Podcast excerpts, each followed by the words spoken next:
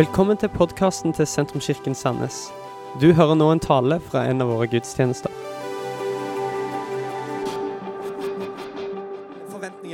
Vi snakker om Jesus, vi snakker om eh, fornyelse spesielt eh, denne høsten. Det er liksom overskriften vår.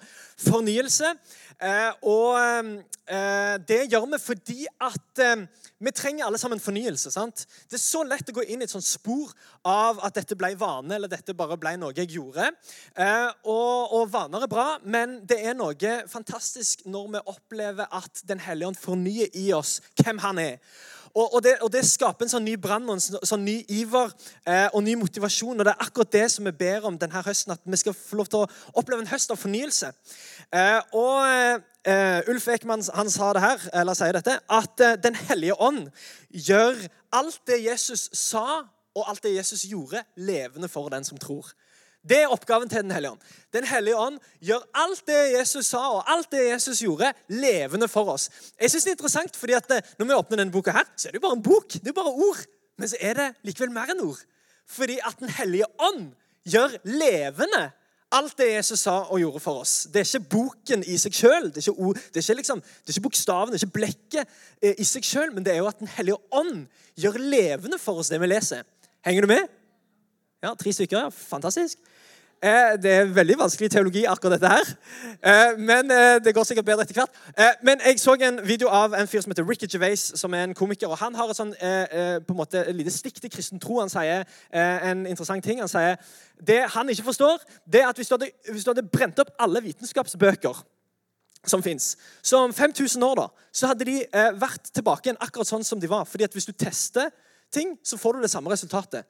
Så hvis vi hadde bare ødelagt all vitenskap nå, så hadde vi mer eller mindre hatt akkurat, de samme, akkurat den samme informasjonen om 5000 år. Fordi at eh, vi hadde gjort alle de samme testene og vi hadde kommet fram til det samme svaret. Og så sier han, og Derfor så er ikke kristendommen sann. fordi at hvis du hadde brent opp den her, så hadde ikke vi om 5000 år eh, hatt det samme budskapet. Og dermed vi kan ikke stole på det som, som, står der. Og Det høres ut som ja, det var et godt argument, men egentlig så har jeg ikke noe tro på det. fordi det det er ikke denne boka, men det er ånden som gjør levende. Derfor er det, derfor, kan, Om alle biblene hadde brent, så hadde vi fortsatt fått lov til å kjenne Jesus Kristus. Fordi det er Den hellige ånd som gjør levende for oss det vi leser. Og det er derfor vi tror. Vi tror ikke fordi det står i Bibelen. Det er så viktig at vi vet det. Jeg tror ikke på Jesus fordi det står om han i Bibelen. Jeg tror på en, en, historisk hendelse som skjedde på Golgata for 2000 år siden, der eh, Jesus hang på korset. Og den hendelsen ga oss Bibelen. Skjønner dere forskjellen? Det er, ikke, det, er ikke, det er, ikke, boka som forklarer meg om hendelsen. Ja, da tror jeg på det. Men det er hendelsen som skjedde, og som har blitt overført gjennom generasjoner, og som har blitt fortalt videre, og som Ånden har gjort levende for nye generasjoner i alle år, som gjør at jeg tror. Henger dere med? Det er derfor vi trenger fornyelse. Fordi at vi kan lese Guds ord, og, og det kan gi liv til oss fordi at han lever i det, men det kan også bli tørt for oss. Og det kan bli vane for oss. Men vi trenger å be om fornyelse, sånn at han kan gjøre det levende for oss. Jeg trenger i hvert fall mer av Den hellige ånd. Jeg trenger mer av Han, og jeg trenger fornyelse. Og Det er liksom motivasjonen vår med å snakke om dette denne høsten. Men så har vi òg en annen baktanke, eller en framtanke, eh, om du vil. Men vi har iallfall én til tanke. Og det er at vi vil be om fornyelse fordi vi vil ha vekkelse. Og ja, come on, det kan du godt si. Og jeg er litt sånn, eh, Når vi har snakket om vekkelse før, eller liksom generasjonene før meg, så har jeg bare tenkt at ah, vekkelse det er liksom et sånn ord som bare forklarer noe som har vært. Men liksom gammeldags Gud gjør noe nytt. liksom, Drit i vekkelsen. Den har vært. Og Det har liksom fort vært litt sånn uh, i, i, mitt uh, tankesett og liksom uh, blitt litt sånn frustrert av alle bestemødre sitter hjemme og ber, men ikke gidder å være med i kirka. Altså, da, da blir det litt sånn OK, kom igjen. Med vekkelsen. Sånn har jeg tenkt litt sånn. Og, og, selv om det er sikkert eh, både noe sant og noe helt uh, på trynet med den teologien, da, så tenker jeg i hvert fall at, eh, at jeg vil ta tilbake det ordet vekkelse, og jeg vil be om det. Og jeg vil tro på det. Og jeg vil ha forventning om at det kan skje. Hva er vekkelse? Mark Sayers, som ingen vet hvem er, han sier dette. Vekkelse er når fornyelse går viralt. Og det elsker jeg. For en definisjon. Vekkelse det er når fornyelse går viralt. Det er når den ene personen eller det, det ene ekteparet eller den ene familien som hadde opplevd fornyelse, plutselig sprer seg til noen andre familier, noen andre nabolag og noen andre kjerker. Det er når de få plutselig, den, den fornyelsen som bare var hos de få, plutselig blir sannheten om en hel gruppe med mennesker, et samfunn av mennesker. Det er når fornyelsen går viralt, at vi opplever vekkelse. La meg gi deg et annet bilde. Vekkelse er som en soloppgang. Du kan verken forsyne den eller forsinke den. Den kommer når den kommer. Jeg, jeg tror ikke at Hvis jeg bare gjør alle de rette tingene, så blir det vekkelse. Det tror jeg ingenting på. Jeg tror heller ikke at jeg kan være det instrumentet som liksom hindrer vekkelse. Jeg tror at vekkelsen kommer når den kommer. Jeg tror at det er Gud som setter fyr på oss. Gud setter fyr på oss. Det er han som sender flammen, det er han som sender Den hellige ånd og utgytelsen av Den hellige ånd. Eh, men det jeg kan gjøre, det er å forberede meg. Det jeg kan gjøre, det er å gjøre meg klar.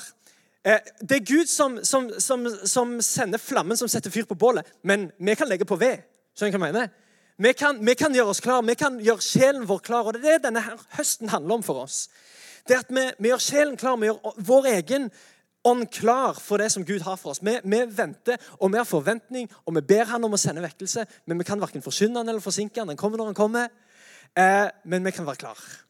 Derfor så ber vi om fornyelse i vårt eget liv. Jeg lurer på hva som kan skje med en menighet som vår, som bestemmer seg, og som sier jeg, vil, jeg skal be for fornyelse. Jeg skal be om fornyelse i mitt eget liv.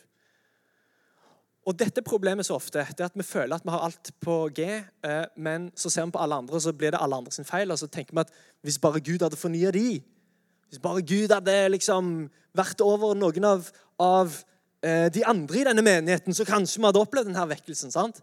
Det er fort gjort å tenke sånn som det. Eh, og, så, og, så, legger vi det over på alle, eh, over på alle andre.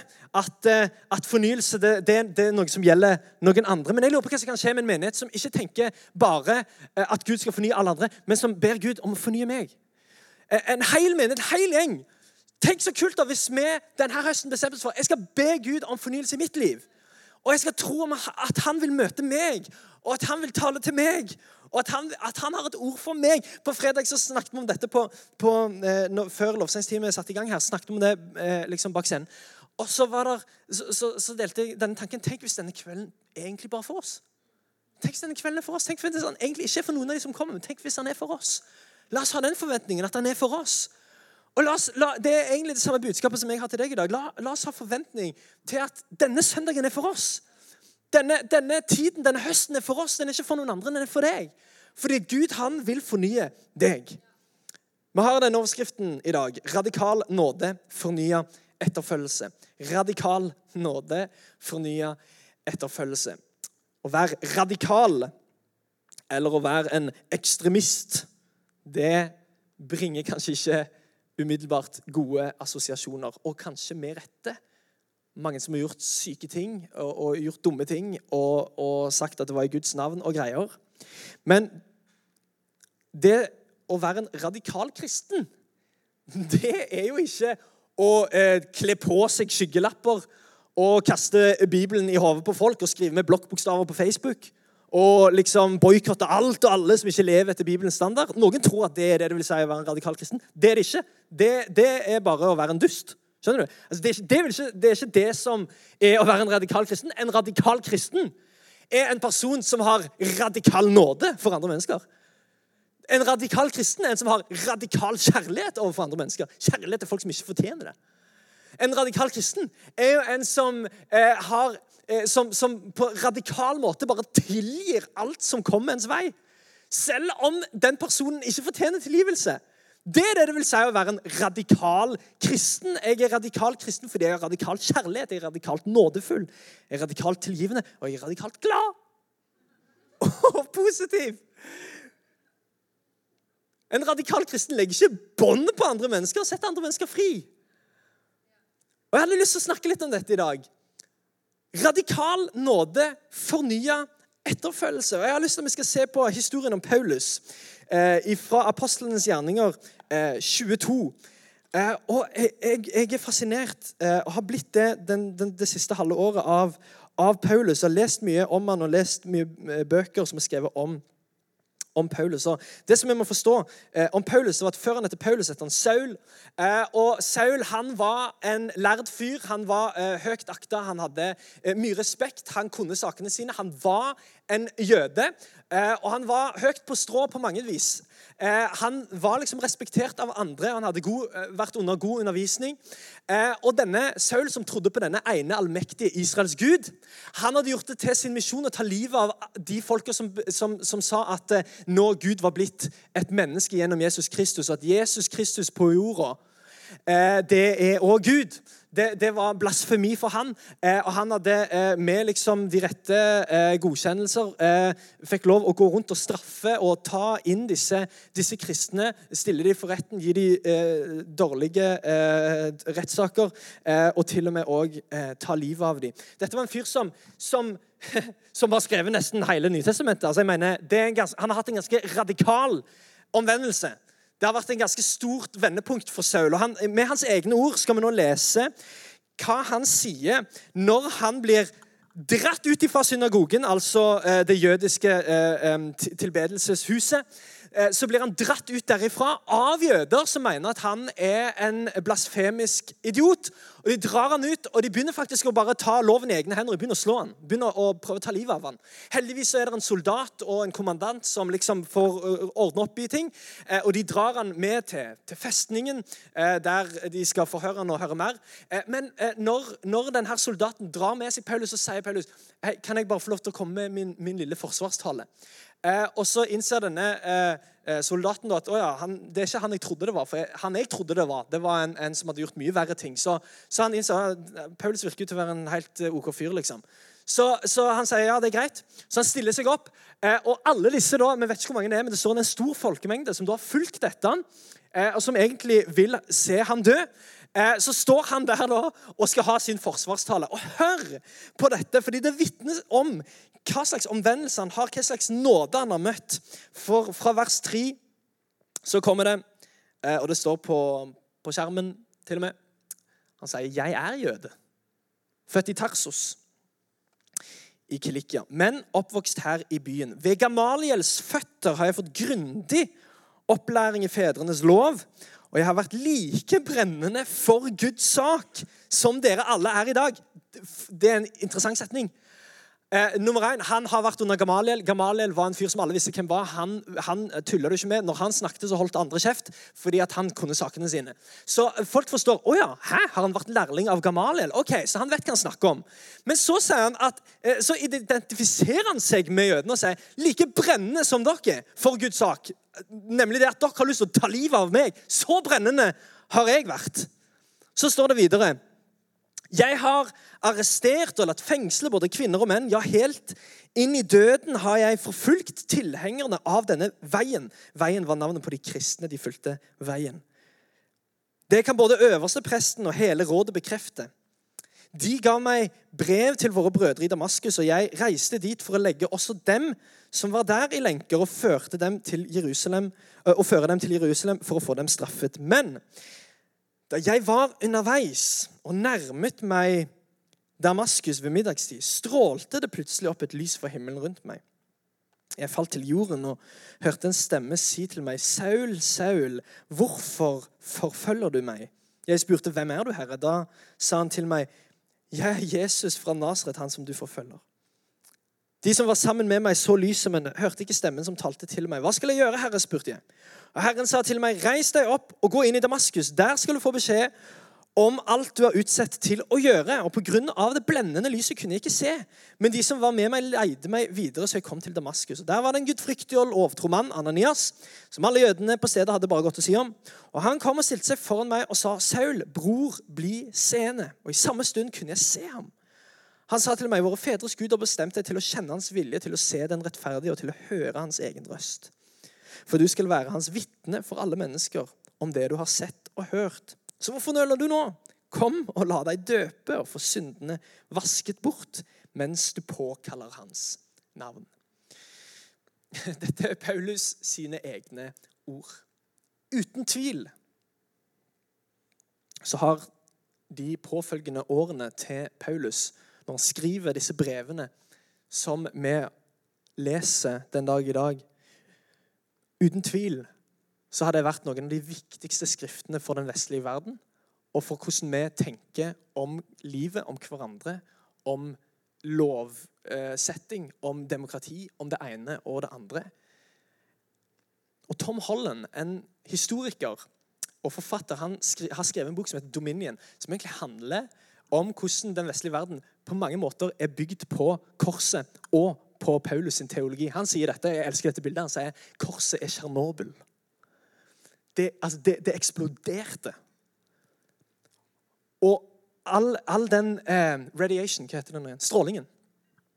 All strålingen, det er paulinsk teologi, sier Tom Holland. Det er Paulus sin teologi. Alle er berørt av han.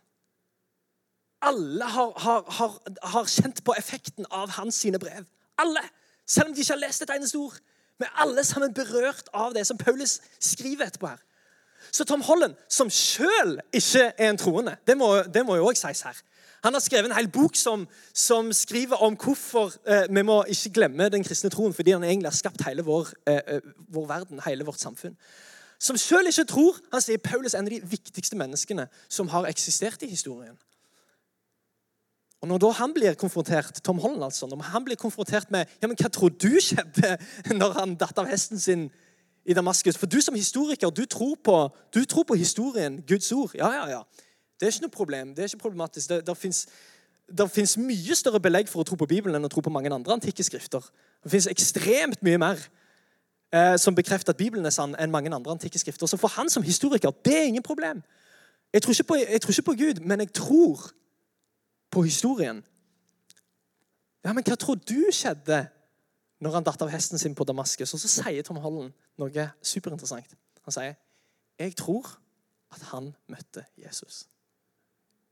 Jeg har ikke møtt Jesus, men jeg tror Paulus gjorde det. Og Videre så forklarer han det av to grunner. Han sier, 'Hvorfor i all verden vil denne høyt akta lederen i den jødiske verden, som har, som har all kunnskap, og som er så flink i det han gjør, og som er, som er hengitt til denne ene sanne Israels Gud. Hvorfor skal han plutselig sakse over det som må være en ganske komfortabel karriere? Og plutselig bli en slags sånn omvandrende nomade? Som, som, bare har gitt opp alt han eier og har, og bare nå lever på det han får fra andre som han stoler på. Hvorfor, han, hvorfor, hvorfor i all verden skulle han gjort det? Og hvorfor i all verden gikk han ikke tilbake igjen til det han holdt på med, når han innså at det, det livet som han hadde begynt på, plutselig medførte straff og medførte å bli slått i hjel på gata og offentlig ydmykelse og skipsforlis og det ene og det andre. Hvorfor i all verden skulle han gjort det? Det gir ingen mening. Og nummer to, som er en enda bedre grunn, som Tom Holland gir Hvordan kan denne mannen, som tror på den ene sanne Israels Gud og hengitt han, plutselig tro at en eller annen korsfesta kriminell er den guden? Om det ikke var fordi han hadde sett Jesus Kristus, hørt hans stemme, erfart hans nåde. Dette er mine ord, det er ikke, ikke Tom Holland. Paulus han, han trodde at han fulgte Gud.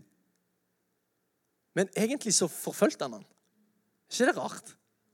Han brant for Guds sak, sånn som han sier, sånn som han sier til de andre jødene. Jeg var som dere, jeg òg brant for Guds sak. Trodde han fulgte Gud. Egentlig så forfulgte han ham. Og nå er ikke mitt budskap til deg sånn, er du en følger eller forfølger. Altså, jeg tror det fins flere nyanser. Men, men, men, målet mitt i dag det er å vise deg hvordan det er Guds radikale nåde som er selve drivkraften for vårt disippelliv. Det er Guds radikale nåde mot oss som er bensinen som gir oss kraft til å leve et liv i etterfølgelse. Du kjenner bensinen i Saul sitt liv. Det var frykt og forpliktelse. Det var frykten for hva skjer hvis jeg ikke tjener Gud? Hva skjer hvis Gud ikke blir fornøyd med meg her på jorda? Når han skal veie opp mine gode og dårlige gjerninger, hva skjer da? Det var forpliktelse fordi han var hengitt. Fordi han hadde gitt livet sitt for dette. Det for, jeg, jeg gjør det bare fordi jeg må. Men så oppdager han nåden i Jesus Kristus. Og vet du hva som er så gøy? Når, når han møter Jesus, det at Jesus sier ikke 'Hei, du må slutte med dette'. Eller du må ordne opp i livet. Du må angre. Du må, du må gå tilbake og liksom, eh, be om tilgivelse for alle de du har såret opp. Altså, han sier ingenting av det. Han sier bare 'Hvorfor forfølger du meg?' Det er ikke den du er. Jeg har et større liv for deg. Det er mer for deg. Bli med meg. Og Jesus løfter opp et nytt liv for ham. Og så, når han møter denne Ananias, så er det, så er det jo bare, det er bare liksom, Du skal se den rettferdige, du skal høre hans røst, og han har en plan, og du skal være et vitne, og bla, bla, bla. bla. Jesus løfter han fra der han er, og gir han et helt nytt liv. Du vet hva, Det var den radikale nåden som fornyer hans etterfølgelse. Det var ikke at han prøvde litt hardere, men at han erfarte Guds radikale nåde. Og Så ble han en helt ny person. Frykt ble erstatta med kjærlighet. Og forpliktelse ble erstatta med glede. Det er sånn det er å følge Jesus. Jeg tjener ikke Gud fordi jeg er redd for ham. Jeg tjener Gud fordi jeg elsker ham. Jeg tjener ikke Gud fordi jeg må. Jeg tjener Gud fordi jeg vil. Alt jeg vil. Fornyelse, det, det kommer jo etter du har erfart Hans nåde. Forstått Hans nåde, forstått at Han elsker deg. Og, og, som sagt, det, Dette vi ofte gjør feil i kristne fellesskap, det er at vi prøver å fornye alle andre. Og fornye alle andres etterfølgelse gjennom å gi hverandre dårlig samvittighet. Du burde være litt sånn, eller du burde være litt flinkere sånn, eller hvor mye leser du i Bibelen? Og så prøver vi å fornye hverandre med å gi hverandre dårlig samvittighet. Det er en utrolig dårlig plan. Og Det har egentlig aldri fungert. og Det er egentlig bare det ene. Det er det trikset og En av de eneste triksene som fienden har i boka Han har ikke mange triks i ludo. Men noen av de eneste triksene som djevelen bruker mot oss, det er å prøve å forvirre oss. Det er å prøve å stille spørsmålstegn til hvem du egentlig er. Han sier, 'Hvem tror du at du er?' Du som har disse feilene og som har disse manglene, og som har, som, som har, gjort sånn og sånn og sånn. Hvorfor tror du at Gud vil bruke en som deg? Hvem tror du at du er? Du skjønner, Fienden peker på synden i livet ditt og kommer med fordømmelse. Men Den hellige ånd han peker på Jesus i livet ditt og kommer med fornyelse. Den hellige ånd sier ikke til deg 'Hvem tror du at du er?' Den hellige ånd sier til deg 'Dette er jo ikke den du er. Det fins mer for deg.' Det fins et nytt liv for deg. Han minner deg ikke på hvor drit du er. Han minner deg på hvem du allerede er i Jesus Kristus. Han minner deg allerede på hvem, hvem Gud har skapt deg til å være. Og løfter fram et nytt liv, et bedre liv, et større liv, som fins kun for deg. Og det er den måten Gud fornyer oss på. Ikke vi forteller oss hvor drit vi er, eller hvordan vi burde oppført oss, eller hvordan vi burde vært. Men å fortelle deg at alt er ferdig, kan du slappe av litt fra nå av. Og la meg få lov til å bare ta plass. Og bare la meg få lov til å, å, å ta større plass i livet ditt, i hjertet ditt. Tre punkter skal du få til og med her. Når du erfarer Guds radikale nåde, så blir etterfølgelse en glede. Fordi alt du vil, det er å bare leve nær til Han. Karoline eh, sa det så bra i går etter, denne, eh, etter lovsangskvelden på fredag. snakket vi litt sammen om alt. I går så bare sier Karo, vet du hva? Det er jo ingenting som gir, gir større glede enn å bare være med Jesus. For, for, og jeg, jeg, er helt enig. Og jeg tror Jeg, vet ikke om du er sånn som meg. Kanskje jeg er bare rar. Men eh, livet er egentlig ganske kjedelig. Noen, altså, altså, dette bare, nå bare sier jeg det som jeg tenker. Jeg er bare ærlig. Ikke døm meg. Vi er kirka. Eh, men jeg, tenker, noen ganger tenker jeg sånn Livet er faktisk egentlig ganske kjedelig. Ganske tomt, egentlig. Likes og lønnsslipper, liksom. Skjønner du hva jeg mener? Netflixen chill, det er liksom alt. Er det det? liksom? Er det alt? Det er ganske tomt, egentlig. Og jeg elsker når du bare plutselig, når du står i den atmosfæren og, det, og, og, jeg, og, jeg, har full forståelse for at det kan være oppleves forskjellig for folk. og Noen ganger føler vi ingenting, og som regel føler jeg ingenting. Men, men, men, det er noe nice med noen ganger når du bare, du bare får det der lille innblikket i at wow, Gud er stor. Gud elsker meg. Gud har en plan for meg. Han har tilgitt meg. Han har et nytt liv for meg. Og du bare får det i et millisekund, så er det akkurat som alt bare forsvinner, og du kjenner at, at du er glad. Du kjenner glede. Det er ikke, det er en, det er jo ikke en følelse, egentlig. Glede er jo en dyp åndelig tilfredsstillelse. Der du kan, der du kan du kan oppleve vonde ting og fortsatt være glad. Du kan sitte i fengsel og fortsatt være glad. Og er det en ting som er sant om resten av livet til Paulus, er det akkurat dette. Han, han opplevde jo så mye piss.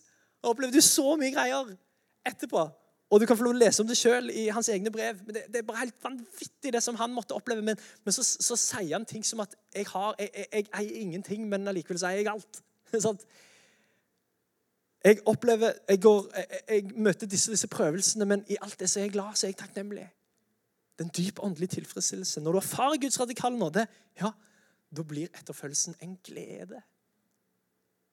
Det blir ikke en kamp, ikke en straff. Ikke en konsekvens. Ja, nå må du ta konsekvensen. Du er jo en kristen, så du bør filme. Gjør det som Guds ord sier. Nei, nei, etterfølgelsen blir en glede. Ingenting jeg heller vil.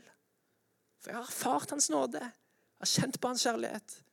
Jeg har forstått at Han elsker meg. Uansett hvem, hva jeg gjør, uansett hvor mange feil og hvor mange mangler jeg har, så elsker han meg. Wow. Jeg vil bare være mer med Jesus. Å være en disippel handler ikke om å være på team. Det går mye dypere enn det. Det er å leve nær til ham. Nummer to når du erfarer Guds radikale nåde, så blir etterfølgelse en livsstil.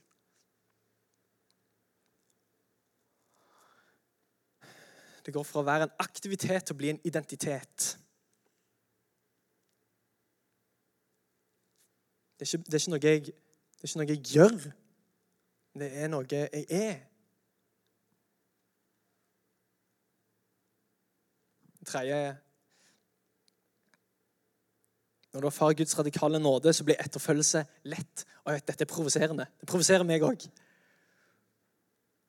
Da blir etterfølgelse lett. Jeg mener ikke, og, og, de som har hørt meg tale før, vet at jeg ofte pleier å si at det å følge etter Jesus er ikke alltid lett, men det er alltid verdt det. Og, og, og Det er òg sant for Paulus sitt liv. Det var på ingen måte alltid lett, men det var på alle måter alltid verdt det. Og jeg prøver ikke å, å liksom si at hvis du, hvis du, bestemmer deg for å følge etter Jesus, så, så, så, løser alt seg, og du kommer ikke til å ha noen, noen problemer. Sannsynligvis får du litt flere problemer. men, men hvis du ser for deg et lite øyeblikk etterfølgelse uten nåde Hvis du prøver å se for deg et lite øyeblikk etterfølgelse uten nåde Prøv å se for deg å følge etter Jesus uten rom for feiltrinn. Så får deg et lite øyeblikk og prøve å leve et hellig liv uten rom for din egen menneskelighet. Se for deg å gjøre deg sjøl fortjent til himmelen. Men du får bare én sjanse. Etterfølgelse uten nåde, det er et dødfødt prosjekt. Og Derfor så tror jeg på hele mitt hjerte at hvis vi skal leve, hvis vi skal leve liv der vi følger etter Jesus Kristus, og leve et radikalt kristent liv, så må vi ha den radikale nåden òg med oss. Og den må ligge i bånn. Og det må være drivkraften, det må være bensinen. At, at, jeg forstår at Gud ikke heiter på meg hver gang jeg gjør noe dumt. Men at, at alt han vil da, det er at jeg springer til han og bekjenner det. Så jeg, jeg fikser det ikke. Du skjønner, Å følge etter Jesus det, tenk, tenk for et, altså, Se for deg å følge etter liksom, vet ikke jeg, Marit Bjørgen. Skjønner du hva jeg mener? Det er veldig vanskelig på ski. Det er stor forskjell på å følge med på noen og følge etter noen. Sant? Å følge med på Marit eh, Bjørgen det er ganske enkelt på TV. liksom. Jeg følger med. Men når du prøver å følge etter Marit Bjørgen, det er et helt håpløst prosjekt. Utrolig vanskelig.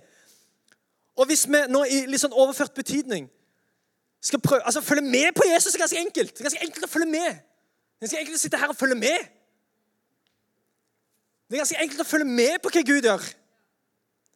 Men hvis du skal prøve å følge etter Jesus i overført betydning på hans moralske standard Når Jesus taler bergpreken Det er lenge siden jeg har talt så mye å si i dag. så jeg håper det går bra.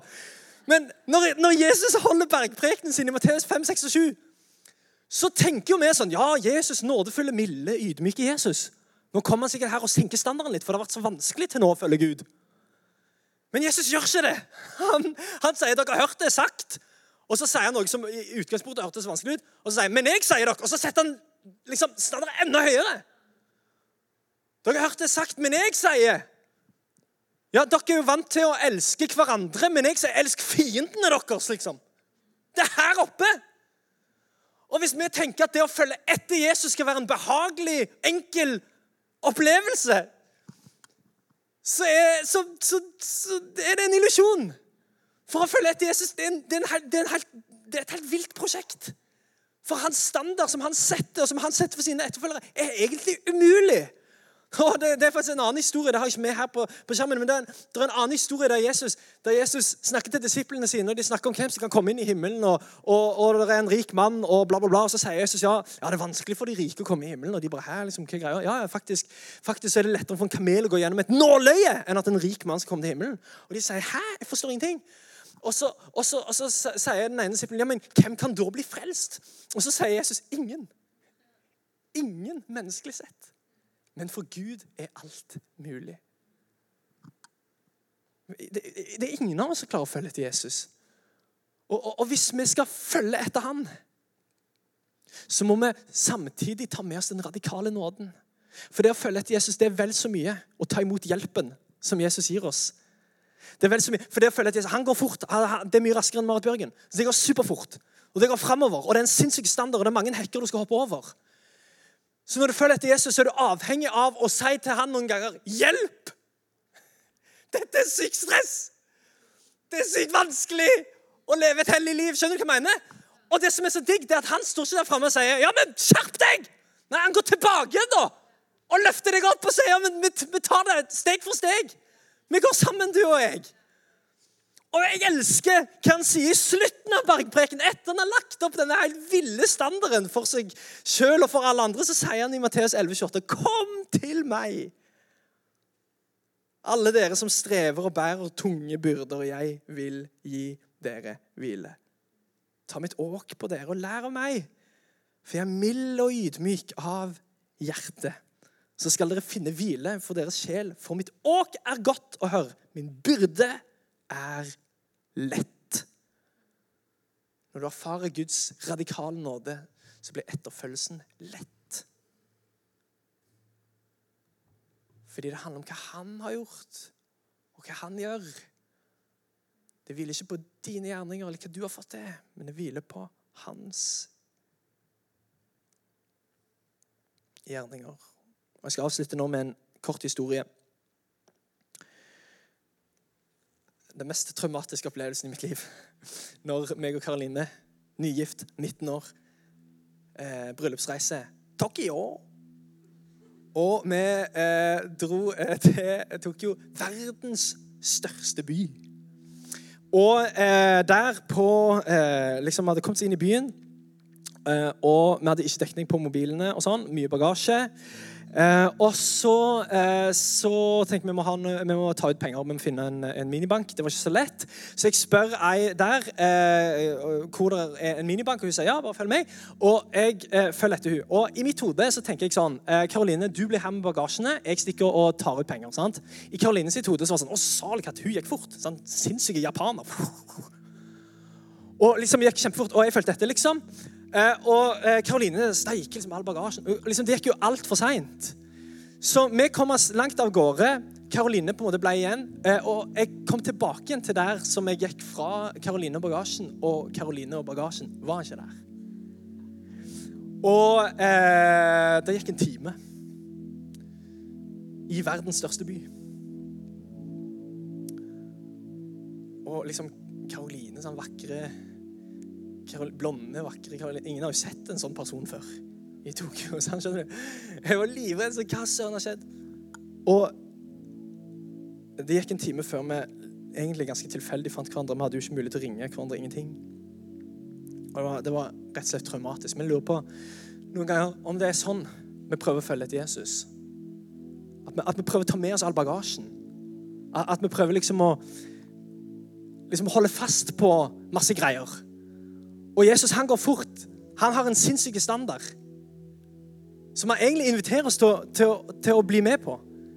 Men det er egentlig et dødfødt prosjekt hvis du skal prøve å ta med deg alt.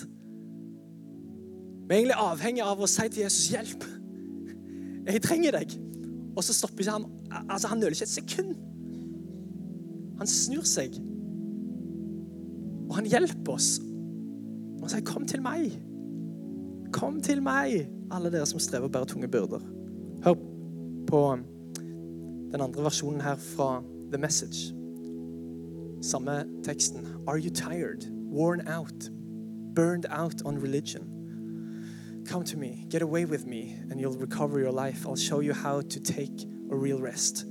Walk with me and work with me. Watch how I do it. Learn the unforced rhythms of grace. I won't lay anything heavy or ill fitting on you. Keep company with me, and you'll learn to live freely and lightly. Hellige takk for at du er her. Og takk for at du ser oss. Du elsker oss. Takk, Jesus Kristus, for det du har gjort på korset for oss. Og takk for at du inviterer oss til å følge deg. Og at du vil gå sammen med oss. Herre, hjelp oss til å være ydmyke nok til å spørre om hjelp og til å invitere deg inn når vi er stae, når vi vil klare det sjøl. Hellige Ånd, i dette øyeblikket der vi tilber deg, kom med din nåde. Herre, for alle de som sitter her inne med, med, med bagasje, som har prøvd å dra med seg bagasjen. Jesus, jeg ber om at du spenner den vekk, og at du løfter dem opp. I dette øyeblikket, når vi tilber deg, vi løfter opp deg. Kom, Hellige Ånd, og forny oss. Tal til oss, gi liv til oss. Vi ønsker deg velkommen.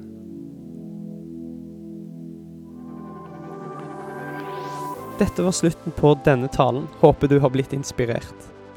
Om du har lyst til å vite mer om hvem vi er, eller hva vi gjør, eller har lyst til å høre flere podkaster, så kan du besøke vår nettside sentrums.no.